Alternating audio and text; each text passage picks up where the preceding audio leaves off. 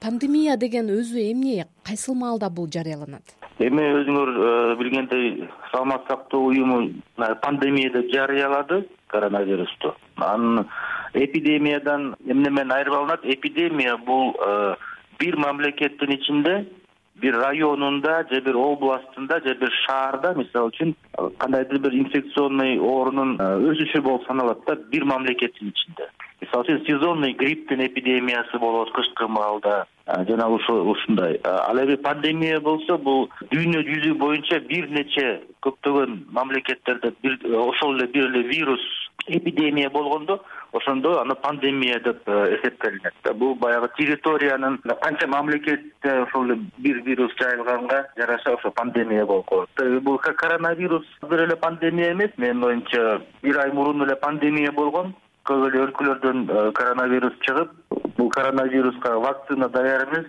дарылоонун э, методдору белгилүү эмес. Ошон үчүн бул пандемия менин оюмча бир ай мурун эле жарыяланса деле туура болмок да пандемия жарыялангандан кийин э, деги эле глобалдык саламаттыкка болгон таасири кандай болушу мүмкүн? Э, ошол эле дүйнөлүк саламаттык сактоо уюму же болбосо башка эл аралык уюмдар дагы бул менен күрөшүүгө ушул оору менен күрөшүүгө кошо биргеликте аракет кылабы же ар ким өзүнүн чек арасын жаап эле баягы мындай бир координация болбой калышы мүмкүнбү? Бүткүл дүйнөлүк саламаттык сактоо уюмунун сунуштары бул албетте жанагы алдын алуу аракеттерди жасаш керек да карантин деп сиз айтып атпайсызбы э, чек араларды жаап коюу э, бул э, карантиндин бир түрүнө кирет да чек араларды жабуучу мисалы үчүн бүгүн мамлекеттер өзүнүн чек араларын жабышты. Мисалы үчүн америка таптакыр европа менен катнашын жаап атат да. Мисалга айтсак да көп биздин деле кыргызстан мамлекеттердин санын көбөйтүп чек ара жабылган жала гана кытай япония италия корея эмес ага дагы кошумча мамлекеттер кирип атышат да. Бул э, дүйнө жүзү боюнча бүт эле мамлекеттер өкмөттөр саламаттык сактоо системалары даярданып жатышат да.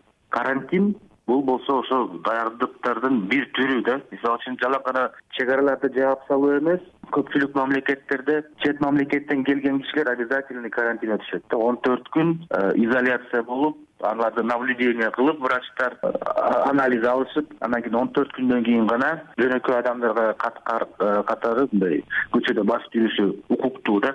Мисалы үчүн италияда азыр полиция жолдо документтерди текшеришет. Э, эгерде сенин укугуң барбы көчөдө басып жүргөнгө же укугуң жокпу деп документ беришет да. Бул киши Э, коронавирус менен оорубайт деген документ көтөрүп жүрүшөт да. Кытайда андан дагы катуу карантин э, болгон да. Ошого э, кытайда азыр аябай мындай жакшы мероприятиялар өттү. Противоэпидемический карантин аябай мындай жесткий болуп. Ошон үчүн кытай муну кичине басаңдап төмөндөттү да коронавирустун деңгээлинчи бул аябай туура баягы иш аракеттер менин оюмча көпчүлүк мамлекеттер жүздөн көп чогулган мероприятияларды токтотуп атышат. Кээ бир мамлекеттер миң деп беш миң деп э, өздөрү мындай чечип атышат.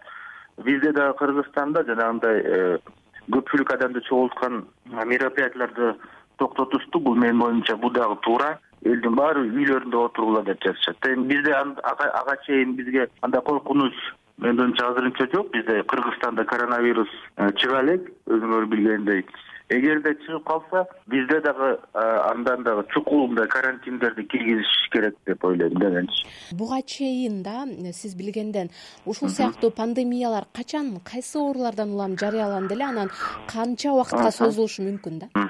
Эми пандемия эпидемиялар жыл сайын эле болот жана мен айтып кеттим. А пандемиялар болсо акыркы жолу мына эки миң тогузунчу э, жылы аш один н один деген грипп чыккан эсиңизде болсо керек. Свиной грипп деп чыккан да чочконун сасык тумоосу болуп.